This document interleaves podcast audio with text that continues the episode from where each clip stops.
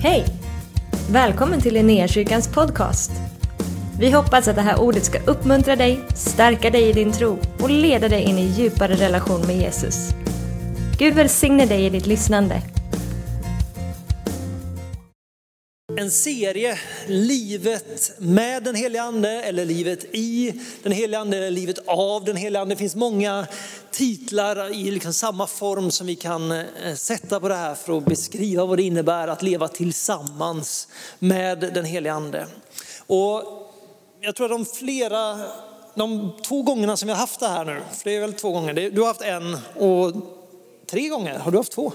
Jakob har tjatat om det här i två veckor och sen var Daniel här och gjorde det fantastiskt bra förra veckan. Har ni inte hört Daniels predikan så gå in och lyssna på det. Jakob får ni höra om ett par veckor igen här så han kommer ni få er beskärda del av. Men jag tror att varje gång så har liksom det här bibelordet kommit upp när Jesus säger till sina lärjungar att det är bättre för er att jag går.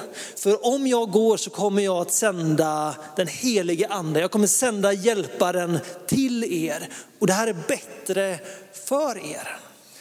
Jag vet inte hur det är med er just nu i en sån här tid. Man kan nästan känna lite så här, det hade varit väldigt gött att ha Jesus ståendes fysiskt här vid sin sida. Få komma med sina frågor, med sin oro eller sina längtan eller sina drömmar till honom i person. Men Jesus igenkände att få ta emot den heliga ande, att Gud faktiskt flyttar in på din insida, kommer göra så oändligt mycket mer i ditt liv än att bara få ha en stund av ett samtal tillsammans med Jesus. Vi ser det här i lärjungarnas liv. De gick tillsammans med Jesus i tre år. De ställde alla sina frågor, de såg honom göra under och tecken och de förstod vem han var. De förstod att han var Messias, Guds son, Gud själv som gick där. Och de blir oroliga när Jesus säger att han ska lämna dem. Men under tiden som Jesus fortfarande är där så kommer det yttre påtryckningar. Jesus blir gripen och vad gör lärjungarna? De springer åt olika håll. Deras första reaktion när de möter men våld eller förtryck på riktigt är att de springer. De springer därifrån och gömmer sig. På pingstdagen får de ta emot den heliga ande. Den heliga ande kommer och tar sin plats i deras liv och på insidan, inte bara någonting utifrån utan från insidan och ut förvandlar dem.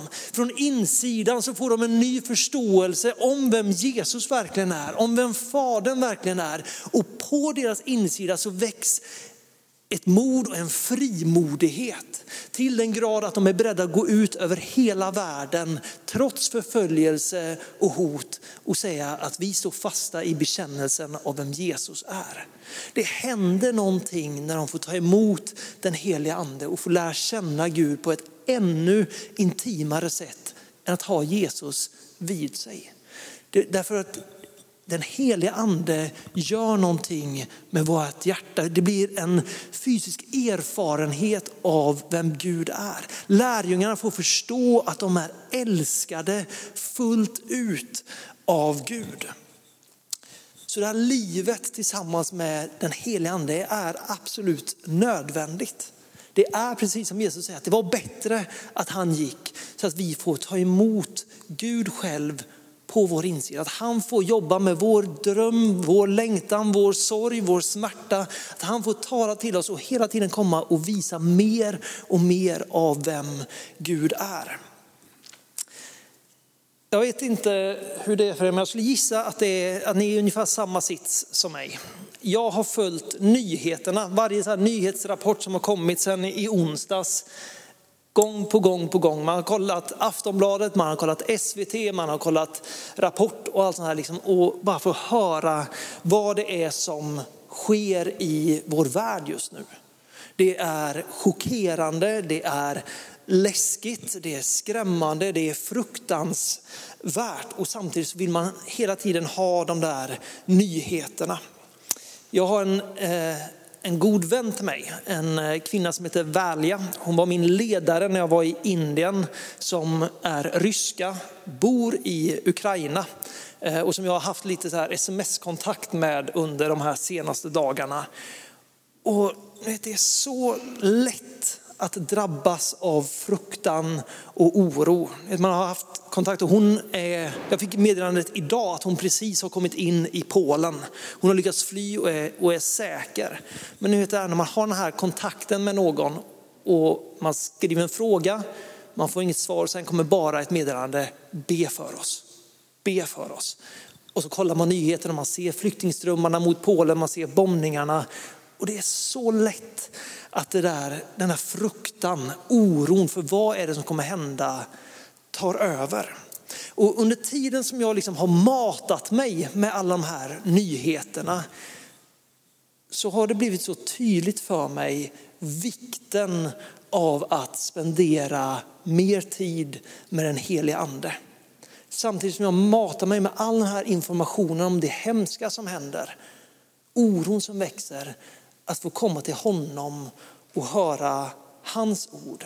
Låta hans liv få tala in i mitt liv. Att mina tankar får formas av hans ord, precis som Sissi eh, talade ut här i början.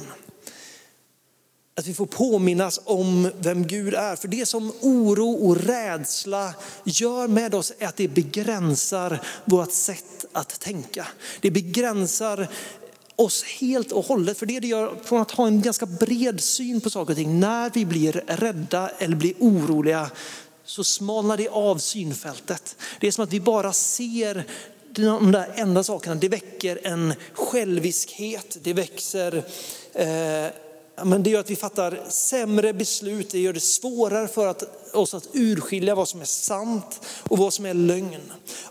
Ofta gör rädslan att det blir lättare för oss att skapa distans till andra människor.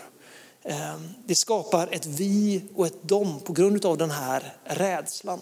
Vi märkte det i början av pandemin, så fort den kom och folk liksom blev chockade och rädda så började folk att hamstra toapapper att är det någon som ska ha toapapper så det räcker så är det jag.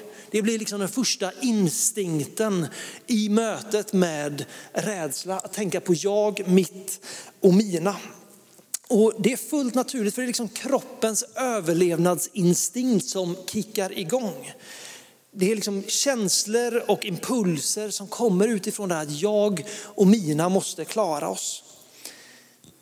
Men det gör också att det finns en ännu större vikt av att vi faktiskt söker tid med den helige ande för att få hans input på det. För han har ett helt annat perspektiv. Han är fridsfursten. Jesus är fridsfursten, han som regerar i frid. Och han vill komma in i ditt liv och öppna dina ögon så att du ser och förstår vem han är. Vi står så här i Johannes 16, vers 13 och 14. Men när han kommer, sanningens ande, då ska han föra er in i hela sanningen. Ty han ska inte tala av sig själv, utan allt vad han hör ska han tala. Och han ska förkunna för er vad som kommer att ske. Han ska förhärliga mig, alltså Jesus. Ty av det som är mitt ska han ta och förkunna för er. Den heliga ande, alltså sanningens ande, har kommit för att föra oss in i hela sanningen. För att vi ska kunna urskilja på nytt vem Gud är, vad det är Gud gör. Han har kommit för att visa oss vad Jesus faktiskt gjorde där en gång för alla på korset. För det är så lätt när den här oron eller rädslan kommer och vi liksom uppfylls av den att vi begränsar vår tro. Det där som vi har vetat är sant, det som vi har trott på i alla år, det som vi har haft som en erfarenhet av vem Gud är, det blir plötsligt mindre därför det är som att rädsla bygger upp som en mur runt oss. Vi känner oss trängda och förtryckta och det gör att det påverkar vår tro, påverkar vårt hopp. Men det som den helige ande säger att han gör, det är att han har kommit för att förhärliga Jesus. Påminna oss, öppna våra ögon så att vi ser vem han är. För Jesus, han är den som har vunnit den ultimata segern, den slutgiltiga segern en gång för alla. Vi ser genom hela Bibeln att krig, katastrofer, hungersnöd och sjukdomar, det är ingenting nytt. Det är ingenting som förskräcker Gud eller som förvånar Gud, utan han har stått över det. Han har sett varenda rike falla och han har stått kvar. Han har fortsatt att leda sitt folk genom alla tider. Men vi sänker blicken när vi låter rädslan ta plats. Vi glömmer bort vem det är vi tillber. Vi glömmer bort att det är till honom vi får fly, utan istället börjar vi tänka på toapapper, konservburkar och skjutvapen. Men Jesus kommer att komma tillbaks. Jesus säger att han vet redan hur historien slutar. Han kommer stå som segrare en gång för alla.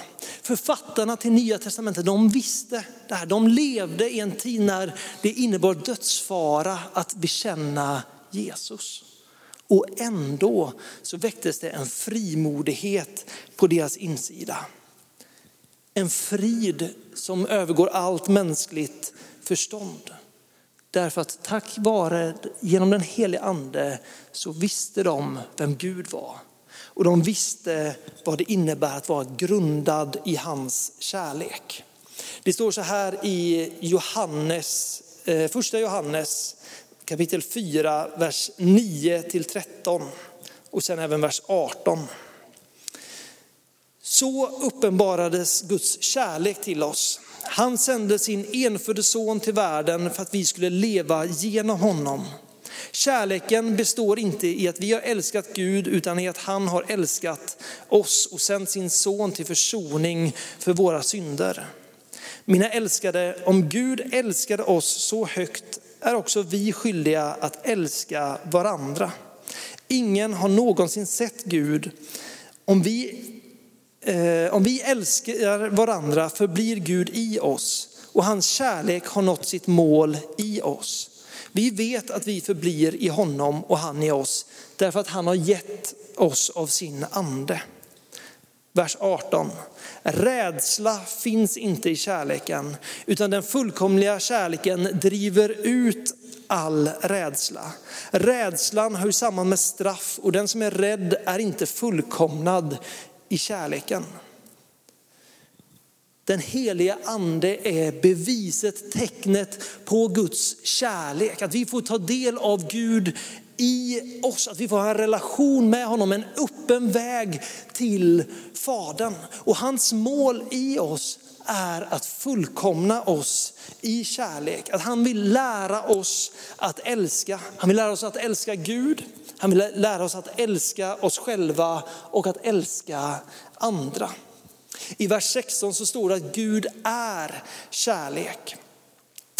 Så när vi säger att vi vill bli mer lika Jesus så innebär det att vi får lära oss att älska ännu mer så som han gjorde. Och vi kan enbart älska för att han först har älskat oss. Det finns ingen plats för rädsla i kärleken. För när vi förstår att vi är älskade av den största, av den högsta, av allting skapare, av början och av slutet. Vem finns det då att vara rädd för? Vart finns det då som vi skulle kunna fly som inte är i honom? För när vi får möta med den helige ande, när vi får inse på nytt vem Gud är, när han för oss in i sanningen om vem han är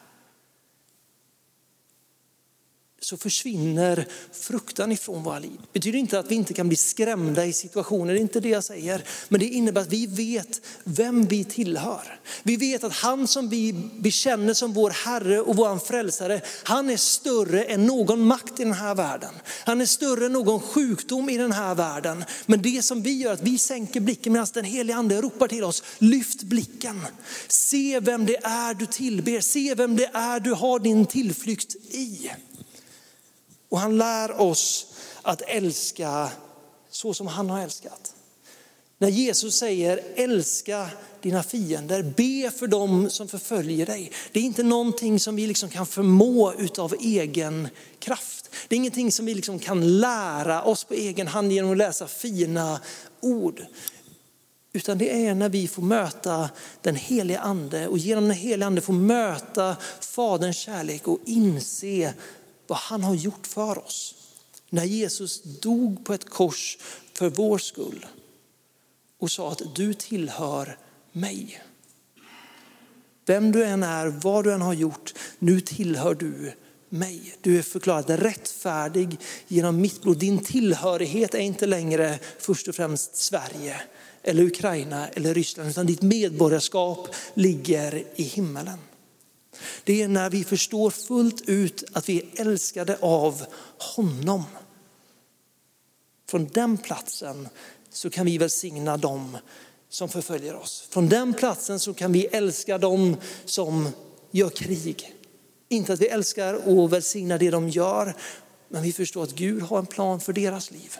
Om Gud har älskat mig med all min brustenhet, all min svaghet, så finns det hopp för de människorna också. Och det här är lika sant i en tid som nu som är full av kaos, eh, av oro, som för en vecka sedan. När vi hade kommit ur en pandemi, när det inte hade utbrutit ett krig som skakade om hela e-, Europa. I en tid som är vår vardagliga basis. Så vill den heliga ande ha en gemenskap med dig. Där han får visa dig att du är älskad. Där han får dra dig närmare Jesus så att du sen kan älska andra på samma sätt så som han har älskat. Att vi har vår trygghet i honom.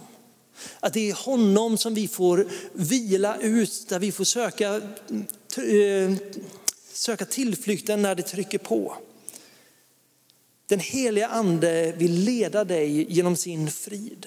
Han vill att du ska vara så djupt grundad i vem Jesus är och hans kärlek och omsorg för dig att du även i de mest pressade lägen kan vila i hans frid. För du vet vem som står på din sida. Det innebär att när, vi, när den heliga ande öppnar våra ögon så att vi ser vem Fadern är, när vi förstår vem Jesus är, så tränger den där kärleken och den där friden ut all den där oron och den där skräcken. Det står så här i andra Timoteusbrevet kapitel 1, vers 7. Ty den ande som Gud har gett oss gör oss inte modlösa, utan är kraftens, kärlekens och självbehärskningens ande. Det är den ande som bor på din insida. Det är den ande som du har fått emot, samma ande som uppväckte Jesus ifrån de döda. Den här anden som har alla de där underbara gåvorna med mirakel, med helande, med tungotal, med det profetiska. Den anden som är en och samma ande. Herrens ande, sanningens ande. Han bor i dig. Han leder dig och vill ständigt dra dig närmare Jesus.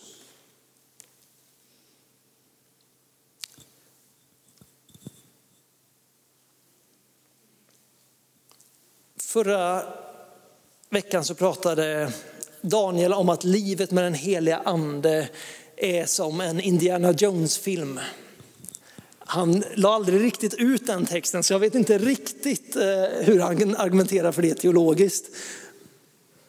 Men det som jag tror är andemeningen i det Daniel försöker säga, att den heliga ande vill ta med dig på ett äventyr. Den heliga ande vill leda dig till platser där du inte kan förmå att göra det som Gud har kallat dig i egen kraft. För tro det eller ej, men Gud kommer liksom inte låta dig stå hela ditt liv på den där strandkanten och liksom inte våga doppa fötterna i och bara vänta och se de andra leka tillsammans med den helige ande. Utan den helige ande vill ständigt leda dig till en plats där du måste fullt ut förlita dig på honom. Den heliga ande vill lära dig av erfarenhet vem Gud är. Så att när trycket kommer utifrån, när motståndet kommer, så har du redan en tro som är testad i eld. Du har redan en erfarenhet av Jesus så att du kan sätta ditt hopp till honom som klippa, som borg, som tillflykt. Jag vet att när jag ser på mitt eget liv så har jag mängder med vittnesbörd om profetiska tilltal som har träffat rätt. Jag har fått se helanden som har skett. Och man blir liksom förundrad, man blir superglad och man tänker yes heligande, nu kör vi. Men de där grejerna som liksom har format mig mest, det är när Gud har kallat mig in i någonting som känns omöjligt. Precis som Petrus som liksom får ta den här kliven över båtrelingen och märka att det håller. Jag har aldrig gått på vatten, bara säger det. det är någon dag kanske. Men jag har fått vara med om, som ett exempel, bara så att ni inte bara tror att jag står här och pratar ute i brett och vitt. När jag var i Indien så skulle vi ut på en missionsresa. Eh, och vi samlade in pengar, vi hade liksom en budget att så här mycket ska vi få ihop för då kommer vi klara oss i två månader hela vägen till Nepal, till norra Indien och sen hem. Vi lyckades få ihop hälften av det vi behövde. Och vi fick inte in en krona mer. Vi bad, vi fastade, vi kämpade, vi ringde släktingar, liksom, men vi fick inte ihop de här pengarna. Och det vi gjorde var, Gud, du har sagt att vi ska gå. Vi hade fått en plats på vårt hjärta, vi hade, visste redan vad Gud hade liksom förberett för oss. Så vi sa, vi går ändå. Alla var ganska nervösa, alla var ganska ängsliga. Bara så här, vad kommer hända när pengarna tar slut? Halva vår budget räckte till en sista fika på vägen hem sista dagen innan vi kom tillbaka till basen. Vi saknade inte någonting vi behövde för en enda dag. Varje dag som vi var där så fick man liksom se hur man klev in i förberedda handlingar. Människor som kommer till oss som vi inte har träffat innan men som liksom är öppna för att bli betjänade med evangelium. Och man bara känner att Gud håller det han lovar. När vi tar det här steget, vi såg inte mm, liksom lösningen framför oss men vi visste Gud har sagt och vi tar steget och den heliga ande gensvarar på det. Jag vet inte om ni vet vem John Wimber var. Eh, en eh, typ väckelsepredikant, stor helandetjänst. Han sa det att tro stavas R-I-S-K, risk. För att du ska kunna liksom leva ut din tro så innebär det att du måste ta en risk. Du måste våga ta det där steget rätt ut i tomma luften för att se om Gud håller upp dig. Det är de stunderna när vi liksom tar ett äventyr tillsammans med den helige Ande, för han vill leda dig. Han vill att du ska få en erfarenhet av hur stor Gud är. Det är när du tar den, de kliven tillsammans med honom som din, din tro kommer att öka, som din erfarenhet av Jesus blir större. Så att när du sen möter alla de här nyheterna så vet du på något sätt i botten av ditt hjärta vem Gud är. Du vet vem det är du tillber, du vet vem det är du tillhör. Även om omständigheterna pekar på något helt annat så har du din trygghet i att bli funnen i honom. Men där måste vi odla relationen, vårda relationen med den helige ande. Så när vi hör alla nyheterna och allting, att vi kan urskilja hans röst. Mitt i den där stressen, rädslan, oron. Att kunna se över den där muren som vi bygger upp kring vårt eget sinne och igenkänna vem Gud är. Igenkänna att Gud är inte skrämd över det som händer just nu. Gud har inte trillat av sin tron som Lovisa brukar säga. Han sitter stadigt på den. Han vet precis vad som händer i vår värld. Han vet vad som kommer att hända i veckan som kommer. Och han har fortfarande full kontroll. Din frälsning, ditt hopp finns i honom. Den finns i den korsfästne och uppståndne Jesus. Den Jesus som den heliga ande vill förhärliga i ditt liv. Det står så här i ehm, Jakobsbrevet kapitel 1, vers 2-4. Räkna det som den största glädje, mina bröder, när ni råkar ut för alla slags prövningar. Ni vet ju att när er tro sätts på prov så gör prövningen er uthålliga. Men låt er uthållighet visa sig i fullbordad gärning så att ni är fullkomliga och hela utan brist i något avseende. Det är när vår tro, vår tillvaro sätts på prov som vi märker vad det är som håller. Vi märker vad det är vi har grundat vårt liv på. Jag tror att det är Matteus 11, va? liknelsen om, jag kan kolla här det står i min bibel. Så säger Matteus 7, vers 24-27, liknelsen om eh, husbyggarna. Han som väljer att bygga sitt hus på klippan genom att göra det som Jesus säger. Stormen kommer men huset står stadigt. Den andra som är en idiot har byggt sitt hus på sand. Vattnet kommer, vinden kommer, huset rasar. Det är när vinden kommer som vi märker vad vi har grundat våra liv på. Det är så lätt för oss att tänka att jag ska investera i livet med den heliga ande när jag är klar med min utbildning. Eller när jag har lite mer energi. Eller när, jag är, när Jakob predikar lite snabbare, lite mer eh, påeldat. Då ska jag ta tag i mitt liv med Gud. Men den heliga ande säger nu, du behöver mig, du behöver sanningens ande för att kunna liksom skilja på vad det är som är av Gud och vad det är som inte är av Gud. För att den där friden ska regera på din insida när stormen kommer, när kriget kommer, när sjukdomen kommer. Vi möter alla stormar, vare sig det är liksom på nationell, internationell nivå eller om det är liksom sjukdom i släkten. Men den heliga ande, sanningens ande, han har flyttat in i ditt liv. Han är där, han vill prata med dig, han vill att du ska få se Guds kärlek. Han vill att du ska bli så rotad i Guds kärlek för dig att du inte vacklar. Att du vet fullt ut vem han är, så du vet vart det är du ska sätta ditt hopp.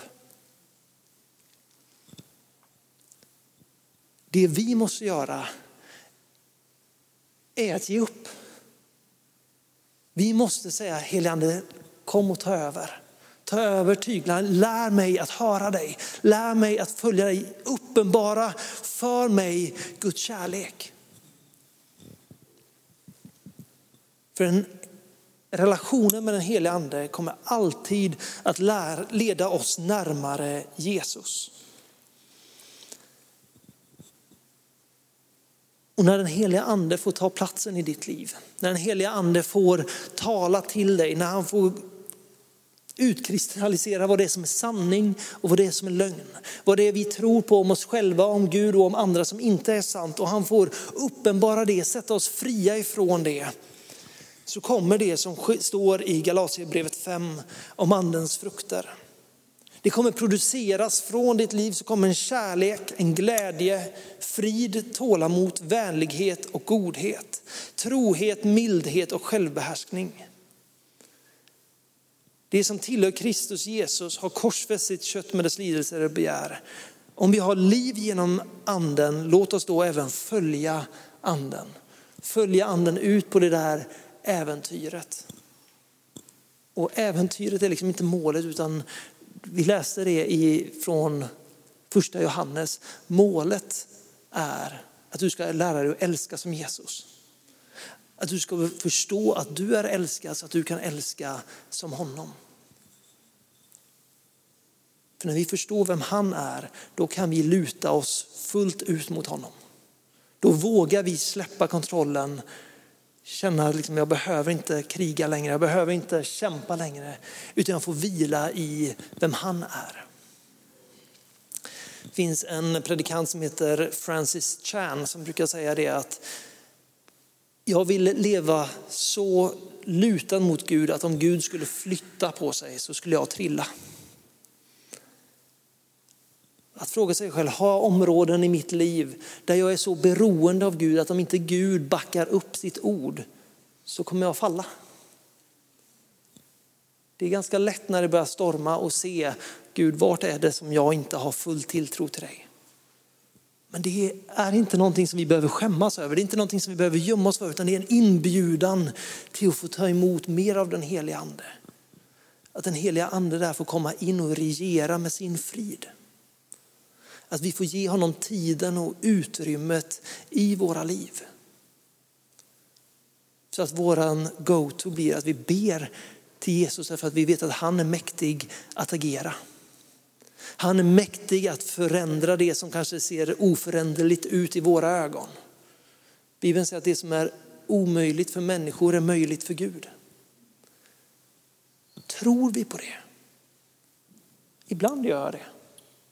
Men när jag möter den heliga ande, när han får leda mina böner, då höjs trosnivån. När jag faller tillbaks på det som Gud har gjort i mitt liv innan, då höjs trosnivån därför jag förstår på, på igen och igen vem Gud är. Och då kan vi frimodigt be för våra bröder och systrar i Ukraina. Vi kan be om välsignelse över Putin, inte över hans planer, men att Gud får komma med sin ande och verka i hans liv. Den heliga ande vill leda oss. Inte bara som Jesus som gick bredvid lärjungarna. Vi har fått honom för att han ska kunna tala till oss, uppenbara saker för oss, förvandla vårt hjärta, vårt sinne till att bli mer och mer lika Jesus. Och vi kan inte förtjäna mer av den helige ande. Det enda vi kan göra är att be om det. Det enda vi kan göra är att försöka släppa lite mer på vår kontroll och säga helande, jag vill följa dig. Led mig. Andrew som var pastor här inne brukar alltid säga att Guds förmåga att leda dig rätt är mycket, mycket större än din förmåga att hamna fel. Att lita på att han gör sitt verk i dig. Men att också bara säga Jesus, jag vill vara med på den här resan. Jag vill vara med i det du gör. Jag vill ha insikt i vad det är du gör i mitt liv så att jag inte motarbetar utan jag följer med. Jag vill gå ut på det här äventyret tillsammans med dig. För då kommer rädslan och oron att trängas undan. Då kommer den här muren som jag pratade om, den kommer falla som Jerikos murar. Därför att den heliga ande får spelrum i ditt liv. Jag tänker det är det vi får göra nu, samtidigt som vi lyssnar på allting som händer, samtidigt som vi kanske fantiserar eller tänker på vad som kommer ske, så får vi prioritera att Jesus, din sanning i mitt liv, din uppenbarelse om vem du är i mitt liv får vara större. Vad du säger om den här, det här kriget, den här katastrofen får vara viktigare än vad NATOs ledare säger.